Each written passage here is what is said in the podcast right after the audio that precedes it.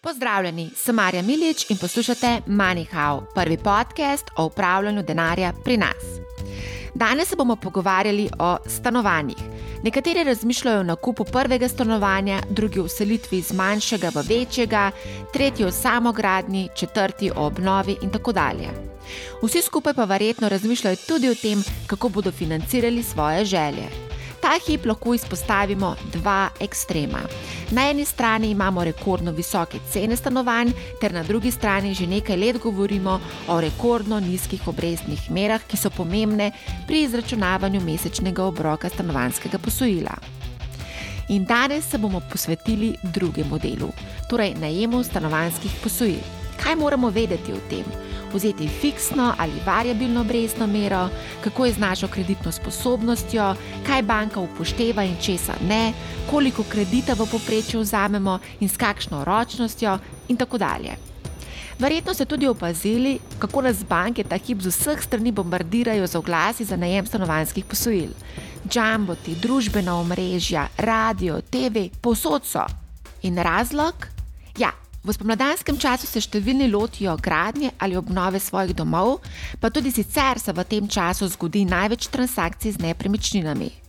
Preden pa se lotimo seciranja stanovanjskih posojil, pa še nekaj čisto svežih podatkov z trga nepremičnin. Za kupce morda slaba, za prodajalce pa morda dobra novica je ta, da cene rastejo tudi v prvem četrtletju leta 2021. Denimo v Ljubljani so cene rabljenih stanovanj po preliminarnih podatkih monitoringa trga nepremičnin, ki ga pripravljata Capital Genetics in Narvijo, prebile magično mejo 3000.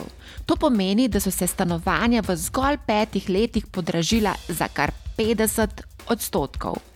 Naj podarim, da gre za preliminarne rezultate, saj vseh transakcij še ni zavedenih v bazi Trgoskop. Kaj pa hiše?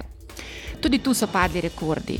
Po prvih podatkih je bilo za poprečno hišo v Ljubljani v letu 2020 potrebno odšteti preko 300 tisočakov. Podrobno bomo o cenah, napovedi gibanja cen in aktualnem dogajanju na trgu nepremičnin govorili na posebnem dogodku Nepremičnine pod lupo, ki se bo zgodil 15. aprila. Dogodek je brezplačen, če želite biti o tem pravočasno obveščeni, se prijavite na e-pismo na spletni strani businessspace.com. Povezavo bom objavila tudi v opisu podcasta. Skratka, cene stanovanja se bodo po napovedih analitikov ukrepile tudi v letu 2021. Dobra novica, če lahko temu sploh tako rečem, pa je tudi ta, da se na drugi strani napoveduje, da bodo obrestne mere za najem stanovanjskih posojil še naprej na rekordno nizkih ravneh. Torej, kaj moramo vedeti o najemu stanovanjskih posojil?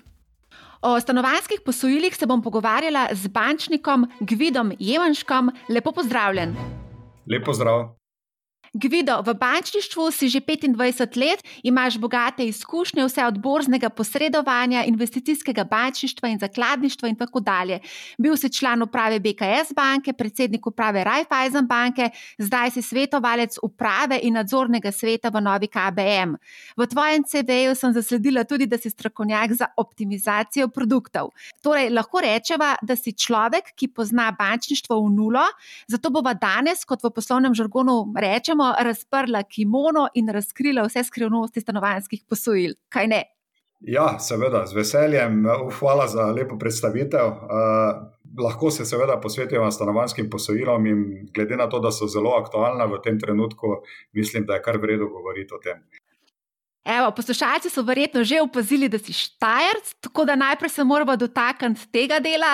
Ne bova se sicer spuščala v nogomet, razen če ima to kakšno vezo s stanovanjskimi posojili ali nepremičninami. Recimo, vem, da nogomet povzroča pri moških in seveda tudi pri ženskah cel spektr čustvenih odzivov in morda se je kak strasten navijač viol ravno zaradi futbola preselil v Maribor, morda kupil tam nepremičnino, recimo blizu ljudskega vrta. E, to ne vem, vem pa, da v zadnjem času v Mariboru je precej povečano popraševanje po nepremičninah strani Ljubljančanov, tako da prav zanimivo. Če gledamo cene, v Mariboru poprečna cena kvadratnega metra rabljenega stanovanja stane 1400 evrov, v Ljubljani pa smo prebili 3000 evrov za kvadratni meter. A to razliko bankiri čutite med Mariborom in Ljubljano? Ja, seveda. In, in to povečano popraševanje, ki ga omenjam, je verjetno prihaja iz dejstva, da razmerje med recimo investicijo v nepremičnino in potencijalno najemnino, če se ta nepremičnina oddaja, je v Mariboru trenutno boljše kot v Ljubljani. Se pravi, tukaj v bistvu zdaj si povedal, da v bistvu današnji kupci, predvsem v Mariboru, iščejo naložbena stanovanja ali kako? Tudi, tudi. Določen procent je večinoma, da ne bomo govorili na robe, večinoma se še vedno so, uh, iščejo kupci nepremičnine za lastne potrebe, ampak bom rekel, mogoče nekoliko se veča tisti delež naložbenih nepremičnin, ki pa jih seveda imajo potem dodaten vpliv na rast cen nepremičnin. Mi pa se bomo danes bolj fokusirali na tiste, ki v bistvu nimajo še rešenega stanovanskega problema, oziroma starše, ki iščejo večje stanovanje za nakup. Cene stanovanj, ko smo ugotovili, kar letijo v nebo, v Ljubljani smo prebili 3000 evrov za kvadratni meter, novo gradje tukaj v Ljubljani se prodajajo tudi po 7000 čakov. Recimo, to je tudi ena sveža informacija. Poprečna cena hiš po preliminarnih podatkih za 2020 v Ljubljani je preko 300 tisoč. Dejva malce pokomentirati te cene cene, kaj pomenijo takšne cene za poprečen slovenski žep, recimo z vidika bankirja? Kako to razlagate? V bistvu težko komentiram cene, nisem tako nepremičninski strokovnjak, mogoče bolj z tega bančnega ali pa finančnega vidika. Dejstvo je, da. Nizke obrestne mere, kot zgodovinsko nizke obrestne mere, kot jih imamo v tem trenutku, tudi spodbujajo dodatno popraševanje po nepremičninah. In normalno je, seveda, da gled, potem se to pozna tudi na cenah. Tako da deloma lahko pripisujemo visoko rast cen nepremičnin tudi zelo poceni financiranju, ki je trenutno na voljo. No, o obrestnih merah bova malce več kasneje povedala, zdaj se bova pa dotaknila še ene zadeve. Mar se kdo v bistvu se sprašuje, ali je zdaj pravi čas za nakup stanovanja. Sploh pri teh cenah vemo, da je zagotovo lahko rečemo, da je pravi čas za prodajo, kaj pa za nakup, kakšno je tvoje mnenje? Za nakup, še enkrat, ne bi komentiral toliko mogoče samih cen nepremičnin, ker uh, ja, so visoke, ampak eh, z vidika financiranja je pa seveda pravi čas. Ne? Ker v zadnjih, eh, bom rekel, 15-20 letih nismo videli tako nizkih obrestnih mer, kot jih imamo v tem trenutku, še posebej ne fiksnih obrestnih mer, s katero si pravzaprav lahko vsak investitor zagotovi svoje financiranje tudi za 15 in 20 let, kar v preteklosti mogoče ni bil primer. Glede na to, da smo že parkrat omenili obrestne mere, pa da je v ostati pri obrestnih merah. Poprečna fiksna obrestna mera, ki seveda pomembno vpliva na višino obroka pri najemu stanovanskega posojila na 10 let, je trenutno malce čez 2 odstotka. To so podatki Banke Slovenije. Za primerjavo, nekaj si že omenil, pred petimi leti je bilo malce čez 3 odstotka. Pred 12 leti smo pa imeli fiksnih, pri fiksnih obrestnih merah, sedem, je bila 7 odstotna. Danes lahko dobiš tudi posojilo s fiksno obrestno mero pod 2 odstotka. Mene pa zanima, kdo so tisti, ki lahko dejansko dobijo pod 2 odstotka, kakšne pogoje moramo izpolnjevati. Tukaj ne gre toliko za to, da bi vem, določena skupina ljudi, poklicev, česar koli lahko dobila nižjo obrestno mero kot nekdo drug. Banke ponavadi spuščajo eh, obrestne mere predvsem strankam, ki so pripravljene pri isti banki imeti več različnih produktov. Torej, če stranka odpre še račun pri banki, če vzame še nek drug produkt, potem je lahko mogoče obrestna mera še nekoliko nižja. Na, na ta račun predvsem se spuščajo obrestne mere nima nobene veze, v kateri panogi smo zaposleni ali pa kateri poklic upravljamo. To v bistvu tudi v bistvu bankirji želite od nas, da izpolnimo na tej vlogi. In dosti krat slišim, da so mogoče nekateri v bolj privilegiranem položaju, recimo kakšni zdravniki ali pa zobozdravniki ali pa recimo iz kakšne malo bolj perspektivne panoge, kot so recimo farmacevti in podobno. Ne, v bistvu, v bistvu moram reči, da ne. To, o čemer govorite, je tako imenovan risk-based pricing, ki ga pa slovenske banke večinoma ne uporabljajo. Torej, da bi spremljali, ali je določena skupina ljudi manj tvegana za banko ali kakorkoli. Večinoma slovenske banke delujejo na način, da se kreditna sposobnost preveri in če pač nekdo ima zaposlitev za nedoločen čas, če plača zadostuje, Eh, če izračun eh, je, pokaže, da je vse ok, da si lahko privošči eh, stranka tisto anuiteto, potem se lahko kredit odobri in potem ne vpliva na samo obrestno mero. Torej, če je kreditna sposobnost v redu, se kredit odobri, obrestna mera pa je bolj odvisna od ostalih produktov, kot rečeno prej. Ja, zdaj, ko govorimo o kreditni sposobnosti, moramo omeniti še nekaj zadev, ki so zelo pomembne. In sicer dva pomembna uh, dejavnika sta, ki vplivata na našo kreditno sposobnost. In sicer zaostreni pogoji najemanja po, posojila, uh, to je od konca leta 2019 Banka Slovenije postavila te omejitve. In pa drugi razlog, pač zaradi katerih imajo lahko ljudje probleme, je više minimalna plača. Ta je letos za 9 odstotkov višja od lanske. To v bistvu vse znižuje našo kreditno sposobnost, in nekako smo izračunali ob upoštevanju vseh teh omejitev in 76 odstotkov minimalne plače in pa vzdrževanega otroka oziroma člana družine, nam po plačilu vseh obveznosti mora ostati 1020 evrov. Ja. Res je. E, to dvoje res vpliva na našo kreditno sposobnost. Ti tako imenovani makrobonitetni ukrepi, ki jih je konec leta 2019 prijela Banka Slovenije, so nekako, če se lahko tako izrazim, odrezali določen del populacije, ki je s tem postala kreditno nesposobna.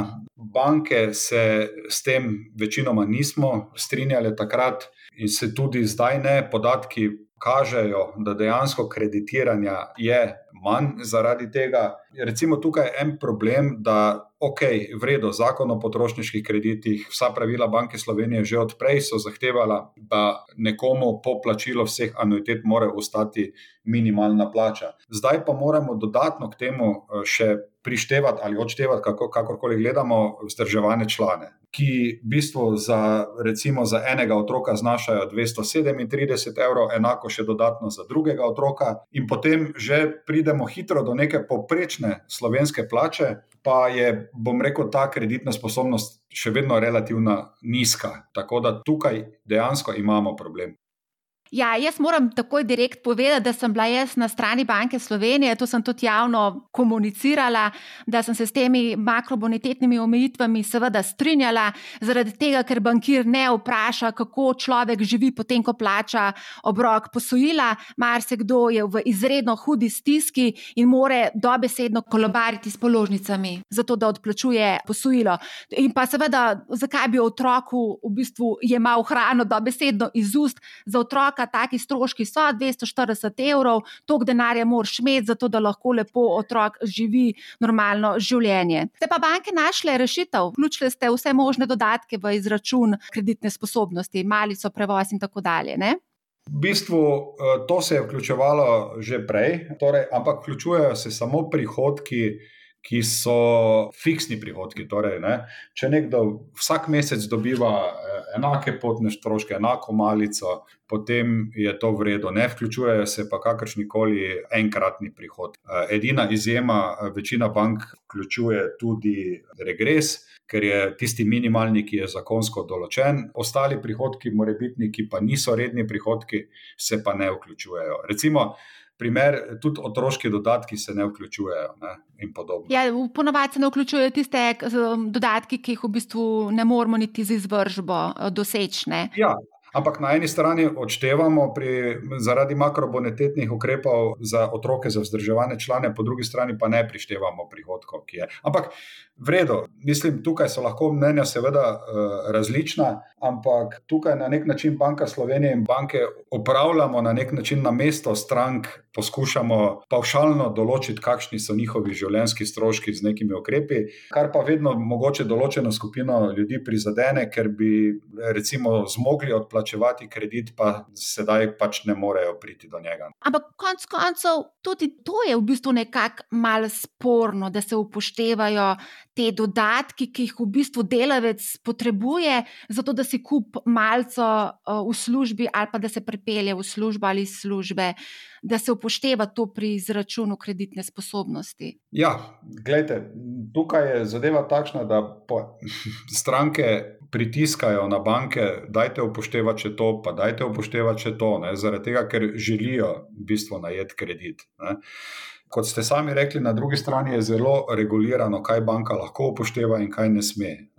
Tukaj je treba na nek način balansirati med tem, kaj želijo stranke, kakšno je tveganje za banko, kaj pravi zakonodajalec, kaj pravi regulator.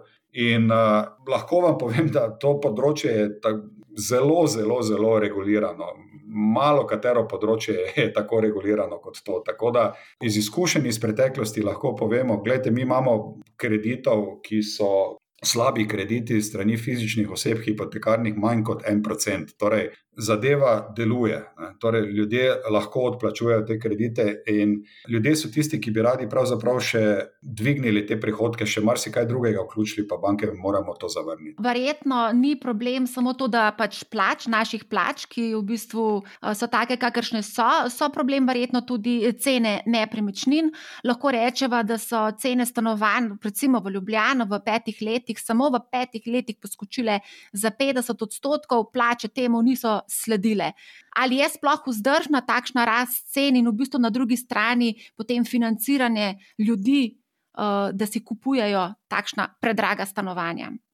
Vzdržna, nevzdržna dejansko to rast cen, kot rečeno, že na začetku spodbujajo, verjetno tudi nizke obrestne mere. Sigurno je to postane problem za mlade družine, za ljudi z nižjimi prihodki, kajti ljudje z višjimi prihodki si očitno lahko privoščijo tudi te cene. Zdaj, ali je to prav ali, to, ali ne, verjetno tega mi dva ne moremo razložiti, ampak trg očitno tukaj deluje, kar na drugi strani recimo lahko spodbuja povpraševanje po nepremičninah in rast cen je tudi to, da se nasplošno prihranki prebivalstva v Sloveniji povečujejo iz leta v leto. In te, bom rekel, presežne likvidnosti prebivalstva je pravzaprav vsako leto več, seveda pa, bom rekel, ni enako distribuirana po starostnih skupinah. No, ravno to sedaj, ko omenjava, da verjetno imajo težave mlajši in pa mlade družine. Ja, ravno te tudi potrebujejo stanovanje. Tako da v bistvu se vprašam, kdo so kupci, kdo kupuje danes stanovanja z dolgom?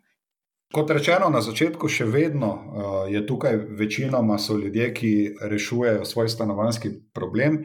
Ampak, če mogoče rečemo, da je 10% pa več, ali pa da je iz 5% na 15% zraslo mogoče število tistih, ki uh, kupujejo nepremičnino kot naložbo potem je pa to lahko tisti jeziček na tehnici, ki lahko bistveno potem seveda zviša tudi cene samih nepremičnin. Koliko poprečju pa znašajo zneski, ki si jih izposodimo od banke za nakup stanovanja? Eh, Poprečen znesek je nekje med 60 in 70 tisoč evrov. To je poprečen znesek, ki je pravzaprav se ne spremenja ali pa zelo počasi raste skozi leta. Je koliko pa recimo banka zahteva lastnih sredstev?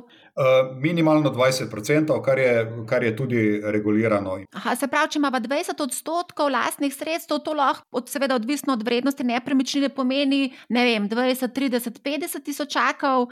Mogoče lahko na tej točki spodbudiva mlade, da če želijo biti lastnik stanovanja nekoč v prihodnosti, da ne začnejo vrčevati za ta polog že danes. Tako, tako, sigurno bi to uh, priporočal, uh, zaradi tega, ker nikakor pa ni dobro, da se nekdo zadolži še za teh 20% in da je potem recimo 100% zadolžen za nepremičnino. E, tako da sigurno je najboljše, da vsaj e, ta del nekdo ima privrčevan in da je potem nekako na varnejši strani, tudi osebno, ne samo zaradi tega, ker je pač to predpisano. Marsikdo je pa pač zamudil ta vlak ali pa nima privrčevanih sredstev, pa zdaj recimo želi kupiti stanovanje. Kakšne so njegove možnosti, poleg seveda tega, da najame potrošniško posojilo, kar je pač običajna bila praksa?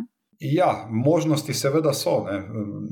Taka stranka lahko, recimo, tudi pri drugi banki najame potrošniško eh, posojilo. Seveda se bo to potem poznalo v SIS-bonu in bo imel obrok že za to posojilo, tako da načeloma ta obrok se odšteva potem od kreditne sposobnosti. Ampak, če je plača dovolj uh, visoka, je tudi to seveda možno. Ponavadi se za najem stanovanjskega posojila angažira praktično cela družina, ožja, širša, mama, starše, tete, babice. Ja, tudi to nekako zaznavamo. Mislim, da je to že dalj časa prisotno v slovenski kulturi, ker pač nasplošno to lastništvo nepremičnin je nekaj, kar si pravzaprav večina prebivalstva želi, mogoče bolj celo kot v ostalih državah. In zaradi, te, zaradi tega se je pripravljena tudi angažirati družina ali s tem, da mogoče posodijo ta manjkajoči znesek, da mogoče nastopajo kot poroki ali kaj podobnega. No, jaz moram tukaj pač povedati, da se meni to izredno um, pač sporno zdi ali pa pač ni ok. No, zaradi tega, ker starši seveda želijo narediti vse za svoje otroke, ampak hkrati s tem, ko dajo svoje prihranke za nakup stanovanja, v bistvu ogrožajo nekako svojo finančno varnost za čas pokoja. Vemo, da so bedne pokojnine in da številni upokojenci živijo na robu revščine. In mislim, ena banka je celo oglaševala stanovanjska posojila na ta način, da naj se angažira cela družina za nakup, in to se mi zdi dober mesično. Se strinjam, sigurno. Se strinjam v tem delu, da kolikor nekdo živi na robu eksistence, potem je to seveda nesmiselno in seveda tudi starši bi morali po vseh, bom rekel, nasvetih in pravilih imeti privrčevanih kar nekaj eh, sredstev eh, za čas, ko gredo potem v pokoj. Ampak na drugi strani pa se srečujemo s tem, da vse več mladih eh, pravzaprav več nima zaposlitve za nedoločen čas in podobne zadeve. Ne? In pri teh zadevah si potem dosti krat lahko pomagajo z starši, ki pa imajo neke redne prihodke ne, in so potem lahko poroki. Zelo različni so ti primeri. Ne. Ampak eh, pri vseh teh primerih, seveda, na eni strani eh, spodbujamo stranke, da ravnajo odgovorno, na drugi strani pa mora banka tudi upoštevati svoje tveganja. Ali dobi oseba, ki ima recimo za določen čas službo, posojilo na banki, stanovansko posojilo? Ne, ne. večinoma ne. Zaradi tega, ker pač žal banka ne more presojati oziroma vedeti, ali bo ta oseba čez eno leto še imela zaposlitev. Zdaj, nekaj smo že omenili, starše in sicer nekateri starši so svoje malce posojila skupaj s svojimi otroci, nekateri starši pa celo zastavijo svojo svojo nepremičnino, zato da otroci lažje dobijo kredit, ker je to v bistvu na nek način dodatno zavarovanje za banko. Kako pa je v teh primerih? Tudi to je možno. E, to so predvsem primeri, e, ko se recimo mladi odločajo za gradnjo, pa recimo imajo e, na voljo samo zemljišče ali kaj podobnega kar pa po navadi po cenitvi potem ne zadostuje za kredit. V takšnem primeru je možnost ali raztoča hipoteka, ki je, bom rekel, relativno kompleksen produkt, ali pa se zastavi neka druga nepremičnina, ki je v tistem trenutku že obstoječa in se potem recimo zavarovanje iz tiste prenese kasneje na to novo zgrajeno ali kakorkoli. Tako da ja, tu smo precej fleksibilni in iščemo razno razne možnosti, da pač pomagamo. Parkrat je že omenil poroštva. To mislim, da banka zahteva v primeru, ko je nizka raven zavarovanja. Tu pa je predvsem nas tveganje na strani poroka.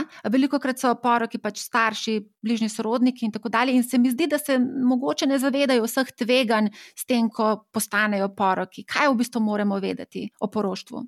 Mogoče bi tukaj predtem poudaril še eno zadevo. Eh, torej, v Sloveniji praktično, glede na zakonodajo, nobena banka ne odobrava hipotekarnih kreditov, kot jih pozna tujina, v smislu tega, da je važna samo hipoteka, samo nepremičnina, ne glede na to, kakšne ima na drugi strani stranka prihodke. V Sloveniji najprej pogledamo, ali ima stranka zadostne prihodke, ali bo sposobna odplačevati to posojilo, ali kreditna sposobnost ustreza. Šele v drugi vrsti, samo kot zavarovanje, je bistvena vrednost nepremičnine, samo kot zavarovanje. In poroki nastopajo v določenih situacijah, recimo, kjer je problem že na tisti prvi strani, ne, torej na strani prihodkov. In če pa nekdo zastavi potem, seveda, neko drugo nepremičnino, pa tudi na drugi strani lahko. No, zdaj, ko omenjava prihodke, moramo omeniti tudi stroške, ker tudi to je potrebno v ulogi za najem posojila zapisati. In marsikdo bo prvič ob najemu kredita tudi analiziral svoje stroške. Se pravi, tam je treba napisati, recimo, kakšni so naši stroški za hrano, za stanovanske stroške in pač druge, ki jih imamo, koliko je tukaj prostora za optimizacijo stroškov in ali banka preverja resničnost teh izdatkov.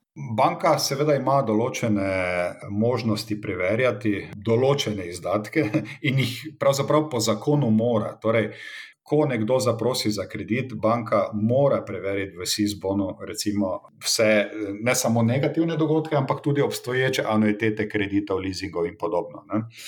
Za tiste življenjske stroške je potem malo večji problem, ker banka načeloma ne preverja po računu vsak posamezen strošek, tako da tukaj stranka deklarira neke svoje življenjske stroške, in tukaj se srečujemo z, z zelo različnimi primeri. Recimo, nekdo lahko z lahkoto preživi za povprečno plačo, nekdo pa ima nadpoprečno plačo, pa ima bistveno više stroške, pa bi mogoče teže odplačeval enako posojilo. Tako da ravno tukaj nastane mogoče problem, ko nek zakonodajalec ali pa regulator skuša predpisati za vse enako, ker pač ljudje si niso med seboj enaki in nekdo lahko privrčuje ali pa plačuje večjo aniteto kredita, nekdo pač manjšo, ker ima ta drugačne življenjske stroške. No, zdaj se že parkrat omenil SIS-BON, to je informacijski sistem, ker v bistvu banka pogleda in zelo veliko tudi izve lahko o nas. Ne? Tako, v bistvu to je sistem, ki so ga ustanovile banke pred leti, v katerega so polnile predvsem podatke o neplačnikih. Kasneje je ta sistem se prenesel, zdaj je upravljalec tega in lastnik Banka Slovenije. V SIS-bonu so predvsem podatki o recimo nekih preteklih negativnih dogodkov, če stranka ni odplačevala kakšnega kredita ali kakšne druge obveznosti, pa kot že omenjeno, tudi predvsem že obroki za že neka obstoječa posojila. To pa lahko tudi v bistvu vsak posameznik sam preveri in sicer preko brezplačne aplikacije Moj SIS-bon. Tam so praktično navedene vse naše obveznosti, ki smo jih imeli v preteklosti in ki jih imamo danes do bank, hranilnic, pa leasing hiš in drugih. Tako, ja. Bi pa še tukaj mogoče na eno stvar opozorila, morda ni tako um, neumno, uh, da bi vsakdo to preveril. Slišala sem, da se zgodi tudi kakšna napaka pri vnosu teh podatkov in potem imamo lahko težave, ko najemamo posojilo. Ste imeli že kakšen tak primer? Ne spomnim se, da bi kdaj naleteli na primer, pa bom rekel, so ti pogledi teh kreditov, limitov in vsega je zelo veliko. Možno je, ampak sam niti ne bi vedel no, za takšen primer. Zadeva je precej dobro deluje in je precej natančna, ker banke imajo obveznost poročanja v SIS-bon, kot rečeno, zadevo vodi Banka Slovenije, tako da zadeva je precej zanesljiva. No. Lahko pa se seveda zgodi, da bi vem, poročal tudi kdo od ostalih, ki niso banke, da je mogoče zapadla kakšna obveznost, pa da ni, ampak verjetno bi bila o tem obveščena tudi stranka strani tega istega upnika. Pa naj še nekaj podarim tukaj. Banke seveda ne morejo v SIS-bon pogled napredovati kar tako počes za stranko. Torej, šele ko stranka zaprosi za kredit, ko dejansko da pisno soglasje, šele po tistem lahko banka za to konkretno stranko pogled eh, v SIS-bon naredi. Deva se dotakniti sedaj malce ročnosti. Podatki Banke Slovenije kažejo, da se je povprečno ročnost novo odobrenih stanovanjskih posojil po fiksni obrestni meri podaljšala iz približno 10 na 18 let, z variabilno pa iz 18 na 22. A tudi vi morda opažate podaljšanje ročnosti in zakaj je prišlo do tega podaljšanja? Ja, opažamo določeno podaljšanje ročnosti. Eh, bom razložil zadevo. No, tukaj pri fiksnih eh, kreditih je treba vedeti, da pred leti praktično na 15 in 20 let tako dolgih ročnosti fiksnih kreditov sploh ni bilo. Tako da verjetno statistično eh, to podaljšanje gre predvsem na račun tega, da zdaj pravzaprav so banke sploh pripravljene odobravati 20-letne fiksne kredite ker uh, še par let nazaj je že 15 let bilo maksimalno, kar je seveda dobro za stranke, zaradi tega, ker pač so lahko na varni strani glede uh, fiksne obrestne mere. Na splošno, glede ročnosti, je pa takole. Seveda, če vzamemo v obzir kreditno sposobnost, cene nepremičnin in vse ostalo, seveda stranka včasih potrebuje za to, da lahko dobi potem višji znesek posojila, tudi daljšo ročnost. Nekateri tudi želijo na začetku odplačevanja, mogoče predvsem mladi, imeti nižjo anuiteto in zaradi tega se odločijo za daljšo ročnost. Ni pa nujno, da te ročnosti ob odobritvi posojil potem dejansko takšne ostanejo, ker banke tudi že leta in leta analiziramo poprečne ročnosti odplačanih posojil in te so precej nižje od tistih pri odobritvi. Torej, po domače povedano, nekdo vzame 20-25 letni kredit, Potem, ko se mu pa skozi leta mogoče napreduje, se mu zvišajo prihodki, pa si zviša obrok ali celo prečasno poplača posojilo, in poprečna ročnost stanovanskega posojila, odplačanega, je pa nekje okoli 15 let v Sloveniji. Mhm, to pa je kar kratka doba, v bistvu. Ja, kot rečeno, poplačila so precejšna, ljudje si zvišajo anuiteto, kar je pa na nek način logično in normalno. Ne. Nekateri tudi poplačajo obstoječ kredit, pa najavljajo novega. Recimo, po 15 letih proda neko nepremičnino, kupi drugo, poplača ta kredit, vzame drugega. Vse, vse to je možno, in, in potrošnik v Sloveniji, seveda, ima pravico kadarkoli poplačati kredit, praktično brez dodatnih stroškov, ali recimo zahtevati, da bi plačeval uh, višjo anuiteto. Zdaj, ko govorimo o poplačilu posojila za fiksno obrestno mero, se mi zdi, da je, od, da je en odstotek od zneska poplačila, pri variabilni pa tega stroška ni. Različno banke zaračunavajo te stroške, ampak stroški, ki so, so bolj kot ne za obravnavo tega, te vloge, ne, ne zaradi tega, da bi kakršen koli eh, način se obrestna mera tukaj nadomeščala ali karkoli takega. Ja, kako pa stane ta obravnava?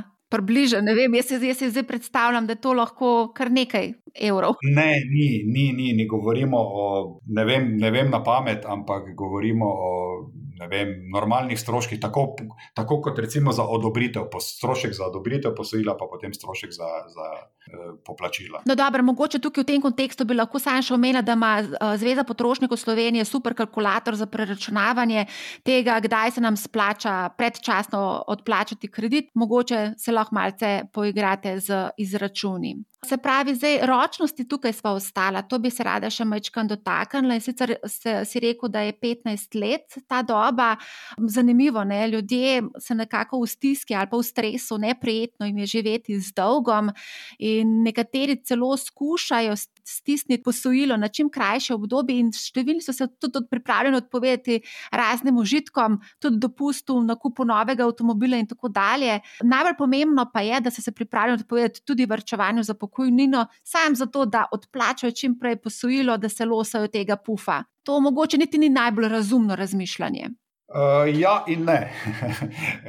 Kar se tiče vrčevanja, mogoče, mogoče bom ta del komentiral. Ker na, če na eni strani odplačujete posojilo, ki ima določeno obrestno mero in ste zadolženi, na drugi strani pa vrčevali, ker bi dobivali mogoče nižji donos od tistega, za katerega ste zadolženi, potem je seveda smiselno čim prej poplačati svoje dolgove in potem mogoče začeti varčevati pač v višjih zneskih, kot pa da se hkrati na eni strani zadolžujete, na drugi strani pa varčujete. Tako da Seveda, tukaj uh, je treba potem več čas primerjati te donose, ampak na nek način, če bi zdaj nekdo presežno varčeval, kupoval naložbe, ne vem kaj, na drugi strani pa bil precej zadolžen, praktično to pomeni, da tudi z kreditom potem investira, ne, kar pa načeloma ni ok. No, ampak če imaš ti daljšo dobo ročnosti, pomeni, da je tvoj obrok uh, nižji in v bistvu ti razliko še vedno lahko plasiraš na trge, ker ustvarjaš v zadnjih 12 letih bistveno više donose, kot pa je bila v bistvu obrestna mera za najem stanovanskega posojila. Lahko, ampak je to, po mojem mnenju, precej tvegano poč početje. Ne? Se pravi, kaj, ne moreš hkrati odplačevati kredita, pa hkrati vrčevati? Lahko, lahko, seveda, lahko, ampak kot rečeno, po mojem mnenju je to tvegano početje v smislu tega, da pravzaprav na nek način s kreditom potem investiraš na trge. Na nek način. Ne? To ne vem, če je na najboljši mesič, zaradi tega, ker se spodbuja tudi vrčevanje. Prej začnemo boljše, a na obrestno-obrestni račun dela v našo korist, tako da ne vem zdaj. Ja, je, mogoče tudi ni najboljši mesič strani banke, Ker, ampak še enkrat, eh, torej, in tudi menim, da večina slovencev, eh, kot ste omenili, hoče biti na varni strani in tudi delajo na tak način. Če se že zadolžijo, želijo potem praktično čim prej poplačati to posojilo in potem nekako začeti z nekim varčevanjem in investiranjem. Ne. Okay, se pravi, posojila načeloma najemamo za očitno 15 let, ne? oziroma ajde, recimo 20 let, ne? in v tem času lahko razpade tudi eh, marsikateri zakon. Kaj pa se zgodi v primeru odločitve, ko imamo skupaj s partnerjem posojilo in seveda potem se ločimo, kako urediš potem to zadevo z banko? Bom rekel, banka obravnava potem te primere čisto individualno, glede na to, kako se partnerja zmenita, glede na to, kaj se potem zgodi z samo nepremičnino. Bom rekel, težko je tu komentirati generalno, ampak banka res uh, individualno pristopi k takim primerom in se iščejo rešitve. Kaj pa, če želimo vmes zamenjati banko? Pa moraš poplačati pri eni, pa pri drugi, verjetno najet uh, novo posojilo. Ne? ne, ni nujno, ker uh, bom rekel, posojilo ni vezano na določeno banko. Torej, stranka lahko ima posojilo pri eni banki, račun pri drugi banki, zakon to omogoča, banke to omogočajo. Tako da tu ni, bom rekel, neke vezave na banko v smislu tega, da stranka mora ostati pri tisti banki, ker ima posojilo. Ko pa najemaš kredit, ti pa dajo banka boljše pogoje, če si komitent banke kot pa ne komitent. Tako banka poskuša na nek način uh, stranko pridobiti kompletno z računom, z plačo, z vsem, ampak to ni in ne sme biti pogoj. Torej, banka ne sme pogojevati stanovanskega posojila s tem, da uh, nekdo prenese račun na banko. Zanj sem slišala eno zelo zanimivo statistiko oziroma analizo, da kar 70 odstotkov ljudi pred najemom posojila, stanovanjskega posojila, ne naredi primerjave med bankami. Ta odstotek me, moram priznati, kar precej presenetil. Uh, mene tudi. mene tudi. Zaradi tega, ker po naših izkušnjah, mogoče ne toliko za potrošniška posojila, za limite in podobno, ampak za stanovanjska posojila pa po naših izkušnjah stranke eh, preverijo obrestne mere, tudi pridejo recimo do banke s ponudbo druge banke, se želijo pogajati in podobno. Tako da po naših izkušnjah stranke kar dobro preverijo pogoje. Ne druga, eh, bom rekel, praktično vse banke imajo na svojih spletnih straneh tudi kalkulatorje, eh, objavljene obrestne mere. Vidimo, da se stranke že dobro informirajo tudi na spletu, preden pridejo v banko. Tako da moram reči, da ljudje se posvetijo najemu stanovanskega posojila kar dobro. Mi že preverimo. Različne ponudbe, vprašanje pa je, ali se znamo pogajati, oziroma ali se sploh pogajamo. Ugotavljam namreč, da je številnim slovencem nerodno vprašati za boljše pogoje, ali se to dogaja tudi pri stanovanjskih posojilih, ali smo tam bolj pogumni. Ne, eh, kot rečeno, stranke pridejo s ponudbami drugih bank, stranke preverijo, ampak razlike, sploh zdaj pri teh nizkih obrestnih merah, so res minimalne. In uh, včasih uh, je v bistvu tako kot pri računih, pri vodenih računah, tako kot pri vseh drugih stroških. Recimo, lahko primerjamo to tudi vem, z stroški telekomunikacije, z elektriko, z gorivom, s čemerkoli. Torej, so določene razlike, na kratek rok, včasih se tudi poznajo. Na daljši rok, večinoma, ni večjih razlik med eh, bankami in zaračunavanjem nekih stroškov. Mogoče lahko tukaj omenjamo tudi aktualne primerjave, lahko spremljamo stanovanjskih posojil, lahko spremljamo na večjih spletnih mestih, recimo Zvezi potrošnikov Slovenije imajo ta, ta primerjalnik, pa številni mediji dosti krat pišejo tudi o tem. Mogoče še eno zelo zanimivo vprašanje, ker se ljudje dosti krat uh, sprašujejo, kaj se bolj splača, fiksna ali variabilna, je pomembna odločitev, kaj ponavadi svetuješ. Seveda je pomembna odločitev. In, uh, Za tiste, ki želijo biti na varni strani, bi vsekakor uh, rekel fiksna obrestna mera, zaradi tega, ker v tem primeru točno vejo, kakšen je obrok posojila in se praktično ta obrok nikoli ne bo spremenil. Z tega vidika, pa tudi z tega vidika, da so zdaj fiksne obrestne mere zgodovinsko nizke, uh, predvsem za tiste, ki želijo biti na varni strani, priporočam fiksno obrestno mero. No, ampak banke so pa tukaj v pogodbo stavile klauzulo, recimo v primeru negativne obrestne mere, da se upošteva Euribor ni cela nič odstotka. Sodba Evropskega sodišča pa pokazala, da je takšna praksa bank nepoštena do potrošnikov. Ne? Tukaj je debata okoli tega, to pravzaprav. Niti ni na strani posameznih bank, ampak na strani celotnega sistema vsi skupaj se srečujemo z tem, uh, bom rekel, novim pojavom negativne obrestne mere zaradi politike, ki, vo, ki jo pač vodi Evropska centralna banka. Morate vedeti, recimo, da lahko bi upoštevali negativno obrestno mero, ampak to bi hkrati pomenilo na drugi strani, da bi pa pravzaprav morali enako početi tudi uh, na depozitih, na prihrankih. To bi še dodatno spremenilo uh, celoten sistem. Pa recimo naj povem še to, da je pa tudi eh, spremenljiva obrestna mera trenutno tako nizka, ne, torej ta pa je tako ali tako že krepko pod dvema odstotkoma, da tudi ta razlika negativnega Euriborja, seveda, trenutno bi lahko prinesla nekaj, ne vemo, kako dolgo bomo v tej situaciji. Dolgoročno gledano, pa kot rečeno, Euribor se lahko spremeni. Zgodovinsko gledano je bil tudi 4% in več proti petim. Tako da še enkrat za tiste, ki želijo biti na varni strani, seveda v tem trenutku boljša fiksna obrestna mera. Zdi se mi, da banke pa že upoštevate negativno obrestno mero na prihranke depozite. Ležarine. Z aprilom, oziroma zdaj letos, boste uvedli nekatere banke te ležarine. Da... Ja, banke se temu precej na nek način upiramo, ampak prisiljeni smo bili uvesti, ampak zaenkrat v bistvu za zelo visoke zneske, nad 200 tisoč evri. Torej, banke pač s tem nekako želijo preprečiti, da bi se presežna likvidnost visokih zneskov pretakala iz, bom rekel, ene banke na drugo ali pa iz enega sistema v drug.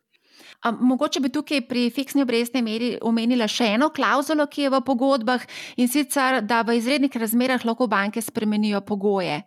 Um, kakšne so te izredne razmere, ko bo banka uh, spremenila pogoje, na kaj moramo biti pozorni? Temu bi rekel, skoraj mogoče bolj pravniška dikcija. Uh, tukaj gre res za neke izredne razmere.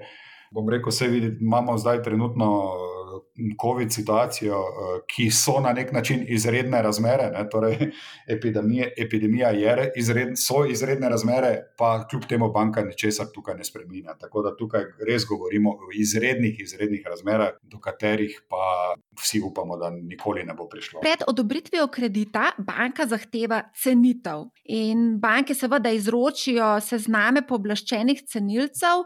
Cenitev stane približno 200 evrov za cenitev stanovanja in 300 evrov za cenitev hiše.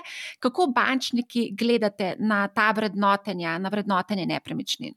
Mi seveda upoštevamo ta cenitvena poročila. Tako da to je za nas relevantno poročilo, to je tisto, kar upoštevamo tudi pri tistem razmerju do odobritve samega kredita. In ta sistem, bom rekel, kar normalno funkcionira, in tukaj ne vidim nekih problemov. Kaj pa, če recimo stranka prinese dve cenitvi, katero potem banka upošteva? Banka ponavadi ima nek seznam cenilcev, ki jim na nek način zaupa, ki jih sprejema kot relevantne. Tukaj pravzaprav se nam ne dogaja to, da bi stranka prinesla dve cenitvi ali pa da bi šli v strošek dvakrat.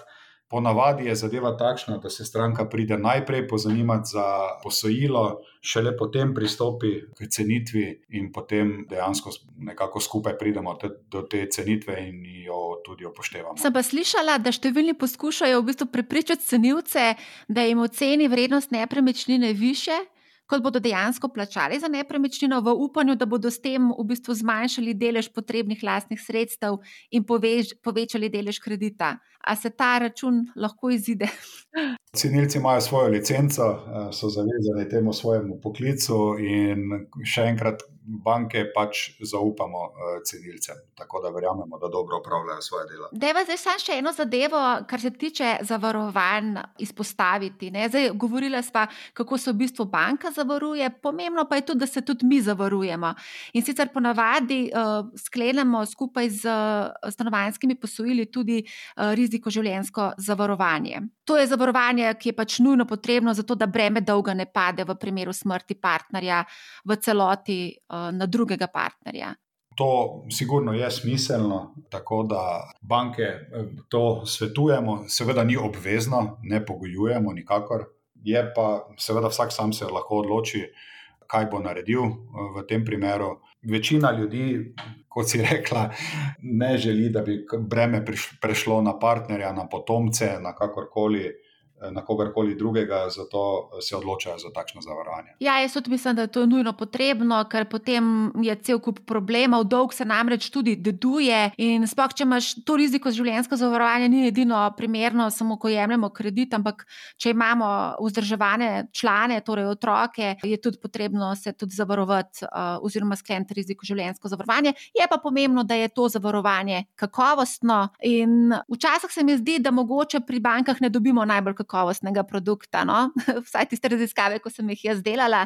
Se pravi, je pomembno, da v bistvu sklenemo vsaj v tisti višini, kot jemljemo posojilo. Ne? Določene banke ponujajo produkte samo ene zavarovalnice, določene banke ponujajo produkte večjih zavarovalnic. Tako da tu velja, da tako kot za posojilo, da tudi za zavarovanje stranka seveda ima možnost primerjati vsa ta zavarovanja in pogoje. A pa če recimo jaz že imam sklenjeno riziko zavarovanje in potem želim vzeti posojilo na banki, ali bo banka upoštevala že moje sklenjeno riziko življenjsko zavarovanje?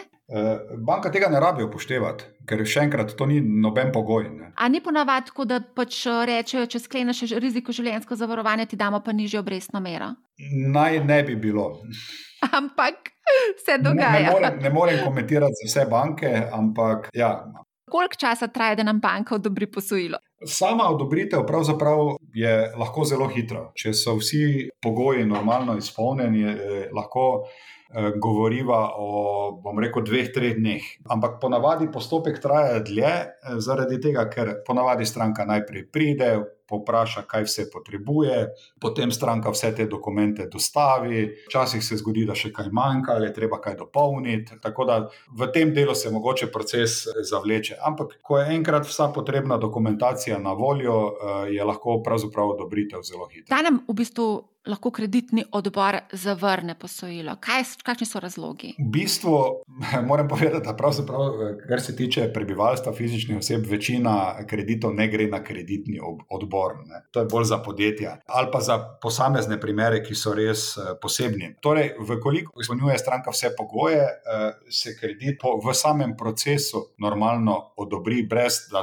ga presoja kakršnikoli odbor. So pa procesi tukaj od banke do banke različni, to moram povedati. Mar se kdo, recimo, ob najemu kredita ne pomisli, da bo moral stanovanje recimo, adaptirati čez 10-15 let, to pomeni potem neki dodatni kredit ali pa povečanje glavnice obstoječemu kreditu. Se pravi, je to ena stvar, ki jo pač moraš imeti v glavi, ko jemliš uh, prvi kredit. Ne?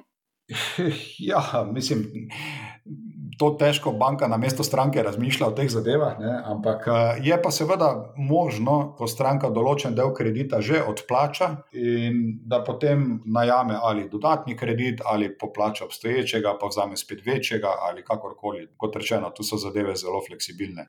Nekako tista. Eh, miselnost, dokler ne odplačam tega kredita, ne morem najeti novega, ne, eh, ki je včasih še precej zasidrana pri določenih strankah, je v bistvu napačna. Ne. Torej, ko vi odplačate določen del, ne, 20, 25, 50 odstotkov kredita, seveda imate kreditno sposobnost potem za nov kredit ne, ali pa nov del kredita. Ja, lahko pa recimo, glede na to, da se razmere spremenjajo v teh zadnjih recimo, desetletjih, kot smo videli, obrestne mere je, pa, je padle iz 12 letih iz 7 na 2 odstotka, mogoče bi pa nekdo moral razmišljati o poplačilu obstoječega in najemu novega, ugodnejšega posojila, ker so lahko prihranke v tem primeru tudi precejšnje, ne, tudi po več 100 evrov. Tudi to lahko si vsak sam prekalkulira. Kot sva že omenila, so povezani s tem določeni stroški, tako da za neke minimalne razlike v obrestnih merah se ponavadi ne splača, za kakšne večje razlike pa je. Kako pa je sicer z refinanciranjem posojila v smislu, da povečujemo glavnico ali podaljšujemo ročnost? Vse ljudje odločajo to, zakaj se odločajo? Manj, v bistvu. Kot rečeno, večinoma se odločajo za uh, znižanje ročnosti ali, ne, ali pa povečanje anuitete. Zdaj moramo omeniti tudi eno napako. To nekako se mi zdi, da kar pri stanovanjskih posojilih ne moramo pozabiti, tudi upam, da ne bomo. Švicarski frank, to je sicer posebna zgodba, ampak ena pomembna lekcija je pa vsem prišla iz te zgodbe in sicer jemlji posojilo v valuti, v kateri prejemaš plačo. Tako, kot rečeno prej, recimo za fiksno obrestno mero. Tako velja tudi, kar se tiče valute. Torej, vse, kar ni v skladu s tem, torej, da ne najemamo posojila v isti valuti, kot prejemamo svoje dohodke, je v bistvu špekulacija. No, ko govorimo zdaj že o špekuliranju, ne, oziroma pač teh napakah, da je vaš omen, če kakšno napako, ki jo pogosto naredimo pri najemu stanovanjskih posojil. Napak je veliko. Kot rečeno, po naših izkušnjah, bom rekel, se, je, mogoče so napake, ki je prej pri kakšnih drugih eh, produktih, pri stanovanjskih kreditih, pa moram reči, da ljudje se tega res lotijo temeljito in pravijo tako. Celo, kot rečeno, želijo biti na varni strani, najprej vzamejo eh, daljšo ročnost, potem si jo znižujejo po svojih zmožnostih in podobno. Mogoče bi bila še največja napaka, da so dan danes želje mladih, predvsem, lahko zelo velike. Ne? Torej, da se nekdo želi novo, res novo, novo stanovanje z parkiriščem v kleti, z dvigalom, direktno do stanovanja, in potem se je za to pripravljen zakreditirati za 30 let. Ne. Na drugi strani bi mogoče lahko razmišljal o rabljenem stanovanju, pa o nekem manjšem kreditu. Ne. Tako da, mogoče še najpogostejša napaka so nekako uh, prevelike želje in glede tega potem iti nekako na rob kreditnih zmožnosti zaradi teh želj, no, če lahko to rečem. Zdaj, ko govorimo o tem robu, vseeno moramo omeniti, da 17 tisoč slovencev ta hip ne more odplačevati posojila in so prosili za odlog, to je seveda posledica korona krize. Verjetno pa je veliko takšnih, ki se niso javili ali pa so celo na meji. O teh številkah sicer ne govorimo. Ne? Praktično vsak, eh, ki se mu je zgodil, eh, ne samo da je ostal brez prihodka, ampak tudi da je imel znižen prihodek, eh, je imel možnost v času epidemije zaprositi za odlog oziroma moratorij na plačevanje posojila. In kot ste rekli, določen del se jih je zato tudi odločil. Mogoče smo bili celo presenečeni v bankah, da se je relativno mali delež ljudi za to odločil. Torej, očitno tudi z temi znižanimi prihodki in nadomestili, ki so jih v tem času dobivali, so se odločili, da bodo raje plačevali posojilo. Verjamem pa, ker je zadeva je bila zelo dobro komunicirana, ne samo strani bank, tudi strani, bom rekel, vseh medijev in vsega ostalega, da je ta možnost obstaja. Tako da verjamem, da kdorkoli se je želel za to odločiti, se je dejansko odločil za to. Kdo pa so dolžniki, ki ne zmorejo odplačevati posojil? Oziroma, da greva kar na ta primer. Kaj se zgodi, ko ne zmorem odplačevati posojila, pa recimo, da izkoristim ta moratorij in druge moratorije, da podaljšam ročnost in, in vse druge opcije. Kaj je tisti skrajni ukrep banke, kdaj se zgodi javna dražba, če sem kar direktna? Najprej naj rečem, zelo, zelo redko. Ne. Torej, delež posojil hipotekarnih, ki se ne odplačujejo, govorimo tukaj o enem procentu. Seveda, tako da delež je zelo, zelo mali. Na drugi strani, ja, najpo, najpogosteje vzrok za to, da nekdo ne zmore eh, odplačevati posojila, je seveda izguba službe in posledično, seveda, eh, izpad dohodkov.